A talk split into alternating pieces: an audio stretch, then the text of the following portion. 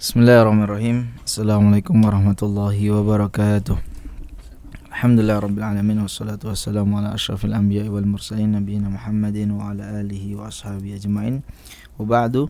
Sahabat Al-Quran di mana pun anda berada Alhamdulillah Rabbil Alamin Kita berjumpa lagi dalam majelis konsultasi Atau makon dengan uh, guru kita Syekh kita Syekh uh, Abdul Aziz Aisom Abdul Qadir Aisom Alhamdulillah Ta'ala. Insya Allah kita ada pertanyaan baru dari pendengar setia Yaitu tentang bagaimana tata cara beribadah Ketika sedang sakit ringan Seperti demam. Tapi demamnya ini yang sampai menjadi kondisi lemas. Ini sebenarnya pertanyaannya uh, ketika sakit ringan kondisi lemas. Jadi ringannya tapi ya cukup lumayan lah sampai menjadikan kondisi lemas. Baik uh, untuk mempersingkat waktu uh, Syekhuna Karol nah uh, soal yakul kaifiyah kaifiyatul ibadah indal marad uh, wa inda dha'fil jism kada فليتفضل مشكورا السلام عليكم ورحمة الله وبركاته وعليكم السلام ورحمة الله بسم الله الرحمن الرحيم. الحمد لله رب العالمين والصلاة والسلام على أشرف الخلق وأطهرهم وأزكاهم محمد بن عبد الله صلى الله عليه وسلم. الرحمة المهداة والنعمة المسداة والسراج المنير البشير النذير. اللهم أحينا على سنته وأمتنا على ملته وارزقنا شفاعته وأرفقنا صحبته في الفردوس الأعلى. ومتعنا بلذة النظر إلى وجهك الكريم. اللهم أمين يا رب العالمين. اللهم سلمني وسلم مني اللهم سلمني وسلم مني اللهم سلمني وسلم مني أما بعد. قد جاء سؤال السائل هذا وجزاه الله خيرا على سؤاله إن كان رجلا أو امرأة.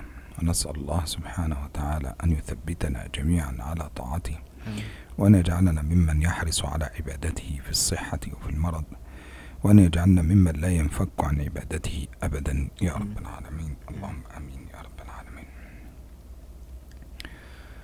أما بالنسبة إلى هذا السؤال فإنه قد جاء أو قد وقع في كتب الفقه أو غالبا في كتب القواعد الفقهية. وقد جاء ذلك في قاعدة صنفها العلماء من القواعد الكلية للفقه.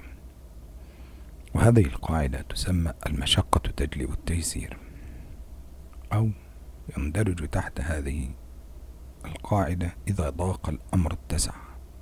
إذا ضاق الأمر اتسع. أي إذا حدث عند الإنسان مشقة في أمر ما فإنه يكون موسعا بالرخصة. فإن الله عز وجل يوسع على عباده ولا يضيق عليهم. وقد جاءت أدلة هذه القاعدة أو جاءت أدلة هذا الأمر بأدلة كثيرة من القرآن والسنة. وقد جاء فيها أولا في كتاب الله سبحانه وتعالى لا يكلف الله نفسا إلا وسعها لها ما كسبت وعليها ما اكتسب والحقيقة أن هذه الآية قد نزلت بعد قول الله سبحانه وتعالى لله ما في السماوات وما في الأرض وإن تبدوا ما في أنفسكم أو تخفوه يحاسبكم به الله. فيغفر لمن يشاء ويعذب من يشاء والله على كل شيء قدير. فجاء الصحابة إلى رسول الله صلى الله عليه وسلم وقالوا يا رسول الله أو نحاسب على ما حدثت به أنفسنا؟ إن في هذا تكليف بما لا يطاق.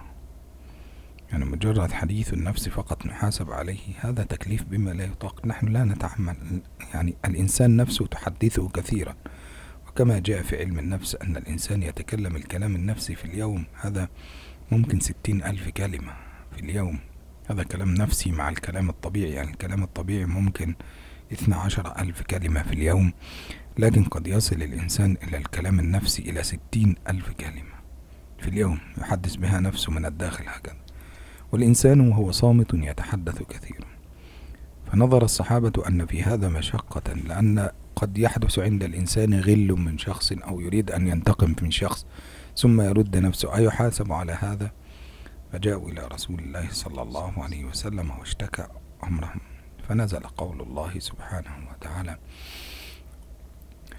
قال لهم رسول الله صلى الله عليه وسلم لا تكونوا كما, قام كما كانت بني إسرائيل. قالوا سمعنا وعصينا ولكن قولوا سمعنا وأطعنا. فنزل آمن الرسول بما أنزل إليه من ربه والمؤمنون كل آمن بالله وملائكته وكتبه ورسله. لا نفرق بين أحد من رسله. وقالوا سمعنا وأطعنا غفرانك ربنا وإليك المصير. فقال الله عز وجل لا يكلف الله نفسا إلا وسعها. فقال لهم رسول الله صلى الله عليه وسلم إن الله عز وجل لا يحاسب أمتي عما حدثت بها. أنفسها ما لم تكلم أو تعمل Baik, uh, berkaitan dengan soal ini sebelumnya beliau mendoakan bagi penanya agar selalu dalam kebaikan dan kemudian diberikan keistiqomahan dalam ketaatan dalam kondisi apapun. Berkaitan dengan jawaban, beliau memulai dengan sebuah uh, kaidah fikih ya. Yang ini kita lihat dalam uh, kaidah-kaidah yang disampaikan oleh para ulama berkaitan dengan satu kaidah besar dalam masalah fikih yaitu al-masyaqqah tajlibut taisir bahwa kesulitan dalam uh, syariat kita itu menarik atau mem, mau apa ya, me, uh, mengumpulkan atau kemudian dari sebuah kesulitan itu ada kemudahan yang di di uh, diberikan. Artinya ketika ada suatu kesusahan maka hukumnya berbeda. Nah, termasuk uh, bahwa jika sesuatu hal itu sempit maka kemudian mulai melebar artinya melebarnya karena ada rukhsah ada keringanan ada pengecualian dalam syariat kita dan berkaitan dengan tadi ya e, kaidah besar ini dalam syariat kita bahwa suatu kesulitan, kesukaran dalam syariat kita dalam ibadah itu mendatangkan suatu kemudahan. Artinya mendatangkan di sini adalah kemudian ada hukum-hukum baru yang memudahkan dalam hal tersebut. Ada beberapa uh, dalil tentang hal ini di antaranya dalam Al-Qur'an ya firman Allah Subhanahu wa taala di akhir surat Al-Baqarah ya la yukallifullahu nafsan illa usaha. Allah Subhanahu wa taala tidak membebani uh, seseorang melainkan dengan yang dia mampu. Yang mana berkaitan dengan hal ini tadi beliau menyampaikan tentang uh, sebab turunnya ayat ini di antaranya ketika ayat sebelumnya ya wa intu budu ma fi anfusikum au tukhfu ketika uh, di dua ayat sebelumnya Allah berfirman ketika kalian semua menyembunyikan atau menampakkan yang di dalam hati mereka kalian yuhasibukum billah Allah akan meng, me, menulis atau menghitung semuanya itu. Kemudian hal itu hal ini menjadi sebuah kesukaran dalam bagi para sahabat karena cukup terkejut dengan ayat ini ya. Jadi semua termasuk uh, apa ya perkataan hati ya batin lah ya batin atau kemudian sesuatu sesuatu yang tersembunyi yang kita batin itu dihitung Allah Taala padahal kita ini adalah makhluk yang mana e, kalau sehari malam itu kalau dihitung bisa sampai 60 ribu kalimat yang kita kita batin. Baik yang kita batin atau yang kita sampaikan ya. E, ketika hal itu kemudian memberikan sahabat e, suatu suatu hal yang berat kemudian beliau pun para sahabat pun menghadap Rasulullah SAW kemudian Rasulullah Rasulullah kami tidak mampu dengan ayat ini. Ketika ayat ini um, memberikan pengertian bahwa semua yang uh, kami rasakan yang kami katakan di dalam hati kami itu semua akan di dihitung Kemudian Nabi pun ber, beliau memberitakan wahai para sahabat ketika ada suatu perintah maka katakan sami'na wa ata'na. Ya, kami mendengar dan taat meskipun berat. Ya. Terus kemudian e, diterangkan lagi turun ayat setelahnya la yukallifullahu nafsan illa usaha bahwa Allah Subhanahu wa taala tidak membebani seorang melainkan dengan sesuatu yang dia mampu. Maka kemudian berkaitan dengan e, perkataan hati itu tidak akan di dihitung uh, selain ketika sudah diamalkan atau dikatakan. كذلك حينما ننظر إلى الدليل الثاني نجد أن فيه توسعة على المسلمين أكثر وقد جاء ذلك في قول الله سبحانه وتعالى يا أيها الذين آمنوا إذا قمتم إلى الصلاة فاغسلوا وجوهكم وأيديكم إلى المرافق وامسحوا برؤوسكم وأرجلكم إلى الكعبين. وفي نهاية الآية امسحوا برؤوسكم وأرجلكم إلى الكعبين وإن كنتم جنبا فاطهروا وإن كنتم مرضى أو على سفر أو جاء أحد منكم من الغائط أو لامستم النساء فلم تجدوا ماء فتيمموا صعيدا طيبا. فامسحوا بوجوهكم وأيديكم منه ما يريد الله ليجعل عليكم من حرج من حرج ولكن يريد ليطهركم وليتم نعمته عليكم ولعلكم تشكرون. فحينما ننظر إلى هذه الآية نجد أن الله عز وجل يقول ما يريد الله ليجعل عليكم من حرج ولكن يريد ليطهركم. وانتقلت الآية من العزيمة إلى الرخصة حيث أننا أمام مشقة تستدعي هذا الأمر. وهذا إذا كانت المشقة خاصة بالنفس لأننا بعد ذلك سنفرق بين المشقات لأن ستكون مشقة عظيمة ومشقة متوسطة ومشقة خفيفة ومشقة معتادة ومشقة غير معتادة. كل هذه الأشياء سنعرفه بعد ذلك حينما نشرح هذا الأمر. وسنعرف أي ألم ممكن أن يجعل الإنسان يصلي جالسا أي ألم يجعله يخفف الصلاة أي ألم يجعله يقصر الصلاة. هناك ألم تنفك عنها العبادة وهناك ألم لا تنفك عنها العبادة. لكن الله عز وجل حينما نظر لعباده فهو أعلم بأحوالهم فهناك من لا يستطيع الوضوء بالماء. قد يكون الماء موجود ولكن لا يستطيع الوضوء به. من غير مرض. يعني قد يكون مثلا الجو بارد جدا لدرجة أن الإنسان بعض الناس لو توضأ بهذا الماء يحدث عنده تصلب في الشرايين. يعني الشرايين تتورم والأقدام تتورم هكذا. فقد جاز له أن يتوضأ. جاز له أن يتيمم. غير ذلك مثلا رجل آخر في حالة أخرى لا يستطيع أن يغسل رجليه للسفر والتعب وكذا فأباح له المسح على الخفين والمسح على الجوربين في حالات معينة. لكن حينما ننظر إلى هذه الآية فنعلم أن الله سبحانه وتعالى يعني ما يريد الله ليجعل عليكم في الدين من ما يريد الله ليجعل عليكم من حرج. انظر إلى هذه الآية. تجد أن الله سبحانه وتعالى يخفف يخفف يخفف. ولذلك جاء في حديث النبي صلى الله عليه وسلم كان ثلاثة نفر في سفر فأصاب أحدهم جرحا في رأسه. أصابه جرحا في رأسه وكان جرحه كبيرا. فسألهم أن يتوضأ أم يتيمم. فسألهم يتوضأ هل يتوضأ أم يتيمم؟ فقالوا له تتوضأ. وقالوا ونصحوه بالوضوء فلما توضأ أصاب الماء جرحه فمات. فلما رجعوا وأخبر بذلك رسول الله صلى الله عليه وسلم دعا عليهم رسول الله صلى الله عليه وسلم وقال قتلوه قتلهم الله. قتلوه قاتلهم الله وفي رواية قتلوه قاتلهم الله. بإذن الروايتين موجودتين قتلوه قتلهم الله. معنى ذلك أنه يدعو عليهم بأن الله عز وجل يميتهم بالقتل. وقتلوه قاتلهم الله. هذا معنى قتلوه حاربهم الله عز وجل. معنى المحاربة التي تؤدي إلى القتال. قتلوه قاتلهم الله وفي الرواية الثانية قتلوه قتلهم الله وغضب رسول الله صلى الله عليه وسلم وقال ألا سألوا إذا لم يعلموا؟ إنما سؤال العي السؤال إنما آه، سؤال العي أعوذ بالله من الشيطان الرجيم.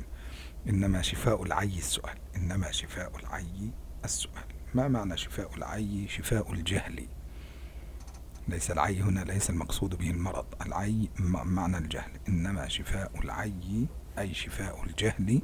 السؤال فلو سألوا لما وقعوا في هذا الخطأ ولما حدث هذا؟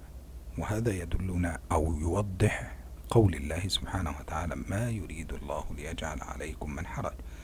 فلو انتقلوا إلى الأخف وتيمم هذا الرجل ما أصابه الموت ولكنهم أخذوا بالأصعب فشقوا على أنفسهم فشق الله سبحانه وتعالى عليهم Baik, termasuk dalil yang kedua yang menguatkan tentang kaidah tadi ya bahwa kesulitan itu akan mendatangkan kemudahan dalam masalah syariat adalah firman Allah SWT berkaitan dengan ayat wudhu ya di surat Maidah ayat ke-6 ya ketika Allah berfirman ya ayyuhalladzina amanu idza qumtum ila sholati faghsilu wujuhakum dan seterusnya tentang proses wudu yang dengan air. Kemudian sampai ayat eh, falam tajidu ma'an fatayammamu sa'idan thayyiba. ketika dalam kondisi tertentu di antaranya adalah ketika sakit atau kemudian dalam safar atau kemudian tidak ada air maka kemudian eh, diperintahkan untuk mengganti dari pertamanya wudhu dengan air dengan tayamum ya membasuh muka dan telapak tangan dengan debu Nah, kemudian ada ayat-ayat e, di situ ma yuridullahu liyaj'ala 'alaikum min haraj bahwa Allah Subhanahu wa taala tidak menginginkan bagi kalian kesusahan dalam ibadah, dalam syariat. Nah, e, nanti sebelum beliau menyampaikan tentu ada ya kriteria kesusahan ini. Masyakoh itu ada bertingkat-tingkat. Ada yang memang berkaitan dengan diri kita atau berkaitan dengan e, keadaan di luar kita atau berkaitan dengan uh, pun keadaan yang berkaitan dengan kita itu bertingkat ya. Ada yang berat sekali memang tidak memungkinkan misal sholat harus duduk uh, tidak tidak tayak tidak berwudu dan seterusnya itu nanti bermacam-macam. Uh, misalnya adalah tentang uh, apa namanya tayamum termasuk tentang uh, ada namanya khusah nanti bagi seorang musafir dan atau mungkin uh, juga mungkin ya tentang uh, mas jadi mengusap khuf ya mengusap uh, apa namanya uh, kaki atau mengusap alas kaki atau sepatu ya yang kita pakai. Itu ada beberapa macam permisalan tentang uh, hal ini termasuk tentang ayat ini tentang tayamum ya. Ketika memang seseorang sakit ini berkaitan juga ada hadis yang mana uh, suatu ketika ada tiga sahabat ya yang kemudian sedang safar kemudian di salah satu di antara mereka itu ada luka di kepalanya ya. Lukanya cukup parah dan kemudian datanglah waktu sholat. Nah kemudian yang sakit ini pun bertanya kepada teman yang lainnya apakah aku harus berwudu? Karena kalau wudhu sangat sakit sekali. Ternyata mereka uh, memberikan jawaban ya harus berwudu. Ya karena memang belum tahu ada syariat namanya tayamum. Kemudian berwudu lah yang sakit ini kemudian meninggal dunia karena lukanya sangat parah kemudian terkena air infeksi dan seterusnya kemudian meninggal dunia. Kejadian ini pun di, uh, dilaporkan kepada Nabi Shallallahu Alaihi Wasallam kemudian mengabarkan apa yang terjadi dan kemudian Nabi pun uh, apa ya kaget dan kemudian ada perkataan beliau uh, bahwa mereka kota luhu bahwa mereka itu telah membunuhnya karena tadi dengan menjawab sesuatu yang mana bi, uh, me, sampai me, menyebabkan uh, seorang penanya ini meninggal kemudian uh, qatalahumullah wa qatalahumullah riwayatnya. Nah, kemudian e, Nabi pun mendoakan kalau dengan pendek ya, itu artinya e, e, apa namanya? Nabi mendoakan agar mereka meninggal dunia dengan cara terbunuh dan juga atau maksudnya adalah e, bahwa hal itu menjadikan Allah murka. Ya. Dua-dua dua riwayat tersebut menggambarkan tentang bagaimana e, kesalahan yang dilakukan oleh yang menjawab soal tadi menjawab tentang uh, ketika sahabat bertanya. Maka kemudian beliau pun bersabda uh, bahwa uh, syifaul ai as-su'al bahwa sesungguhnya obat dari ketidaktahuan atau al-jahal yang ketidaktahuan ketika belum tahu suatu hukum maka itu bertanya tidak kemudian langsung menjawab dengan tanpa tanpa ilmu. Nah ini berkaitan dengan tadi kisah tentang ternyata Eh, ketika ada suatu sebab nah, diantaranya adalah sakit kemudian dibolehkan untuk uh, mengambil keringanan dengan tidak berwudu tapi dengan tayamum.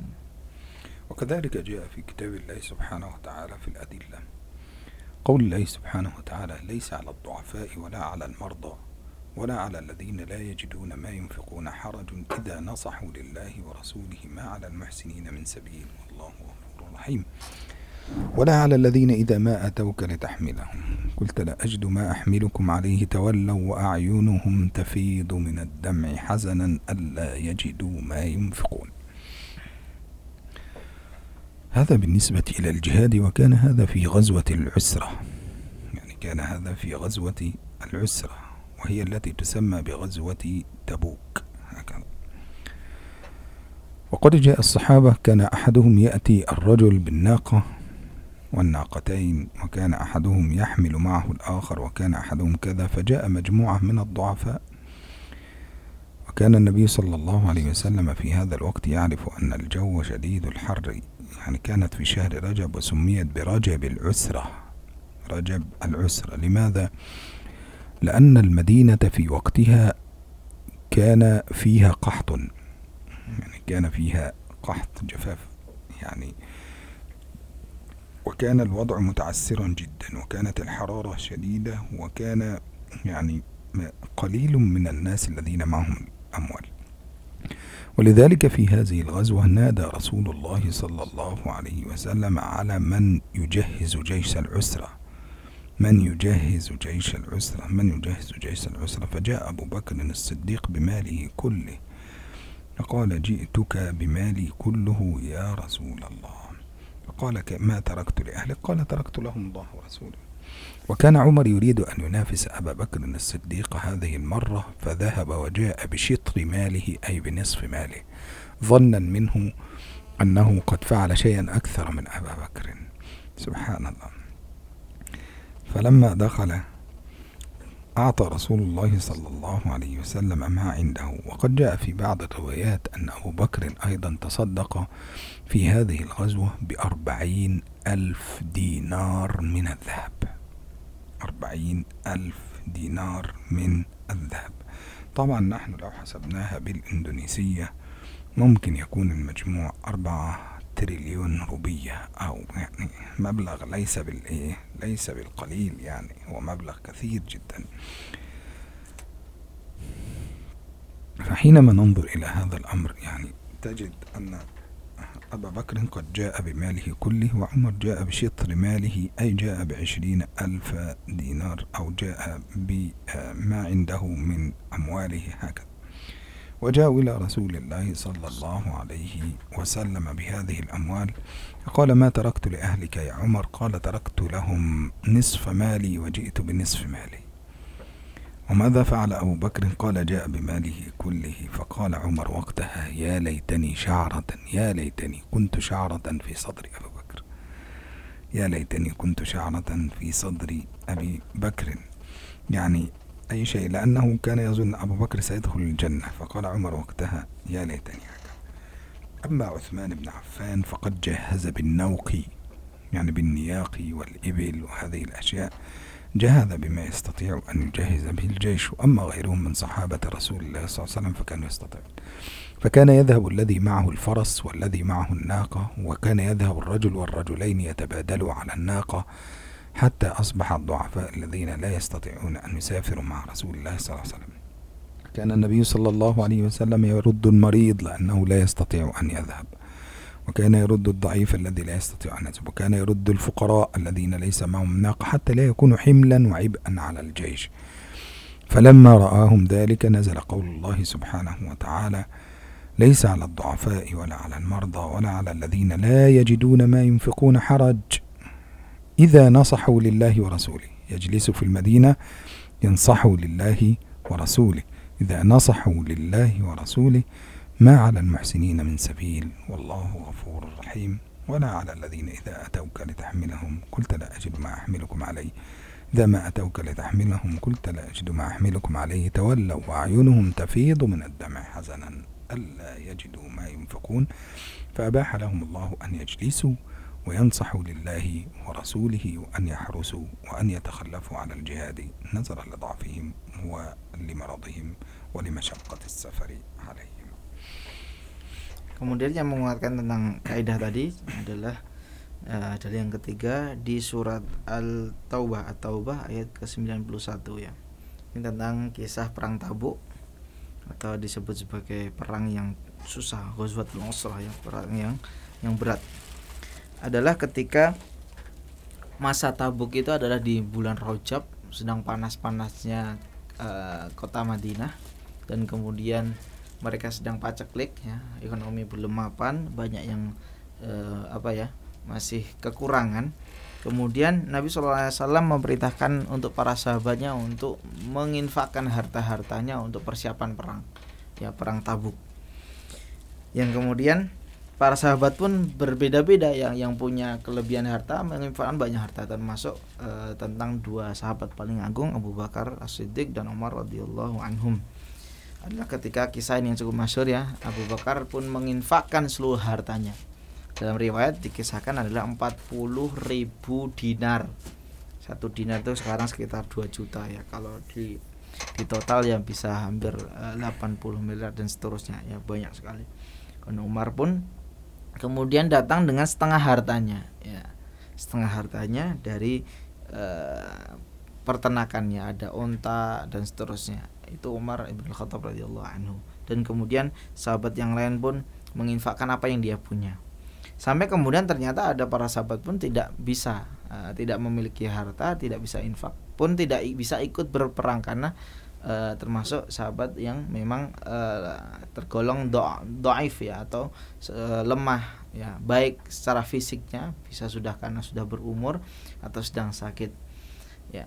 Kemudian turunnya ayat ya di uh, Taubah 91 laisa 'alad du'afa wala 'alal marda wala 'alal ladina la yajiduna ma yunfikuna harajun idza nasu wa rasulih. Tidak ada dosa ya bagi orang-orang yang lemah ya orang-orang yang sakit dan orang-orang yang tidak memang mem, tidak mendapatkan harta untuk diinfakkan ya karena memang tidak punya apa-apa.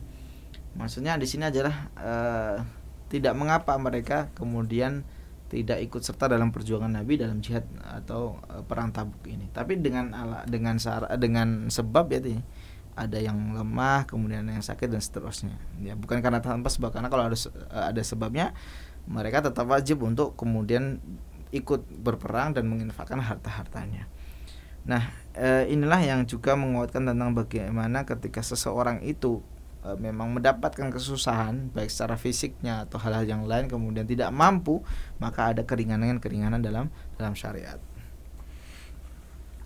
كذلك جاء في هذا الأمر قول الله سبحانه وتعالى وجاهدوا في الله حق جهاده واجتباكم وما جعل عليكم في الدين من حرج ملة أبيكم إبراهيم قال وما جعل عليكم في الدين من حرج وننظر أن الله عز وجل قد جاء بذلك أيضا في سورة البقرة حيث قال الله سبحانه وتعالى يريد الله بكم اليسر ولا يريد بكم العسر فحينما ننظر إلى هذه حينما وجد أن هناك مشقة في الصيام على بعض الناس قال وعلى الذين يطيقونه فدية طعام مسكين فمن تطوع خيرا فهو خير له أن تصوموا خير لكم إن كنتم تعلمون ثم بعد ذلك خفف الله عز وجل على المريض وخفف عن المسافر وخفف عنهم هذه الأشياء لمشقة هذا الأمر عليهم في بعض الأحيان أو لمشقته على بعض الناس.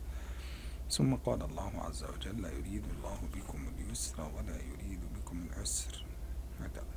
فبين ذلك أو من هذه القاعدة أو من هذه الآيات الكثيرة التي جاءت في هذا الأمر نجد أن العلماء قد أخذوا هذه القاعدة الكبيرة وهي المشقة تجلب التيسير وهذه المشقة أو هذه القاعدة لها أدلة كثيرة من السنة إن شاء الله نريدها في لقائنا غدا إن شاء الله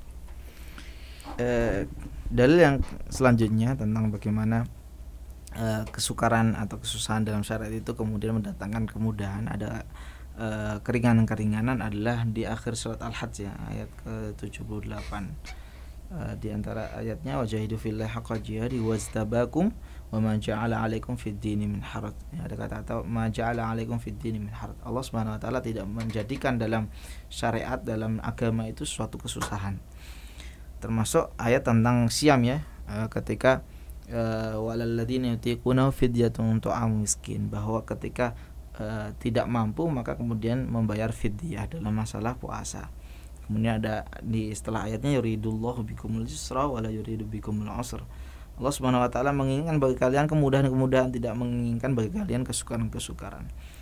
Maka ini di antara ayat-ayat yang mana menguatkan tentang e, kaidah tadi ya ketika ada suatu kesukaran e, baik dalam apa pun dalam bentuk syariat dalam ibadah kemudian ada keringanan-keringanan tidak seperti yang lain ketika yang lain mampu ya. Nah berkaitan juga e, nanti ada dalil-dalil dari e, hadis dari sunnah tentang e, kaidah besar ini al-masyaqqah tajlibut taisir bahwa e, ketika ada suatu kesukaran ke, maka akan uh, ada keringanan-keringanan itu nanti dikuatkan dengan hadis-hadis Nabi SAW yang insya Allah akan beliau sampaikan di pertemuan selanjutnya. Demikian sahabat apa di mana pun anda berada kita tutup dengan kafatul majelis. Subhanakallahumma bihamdika asyhadu an la ilaha illa anta astaghfiruka wa atubu ilaih. Wassalamualaikum warahmatullahi wabarakatuh.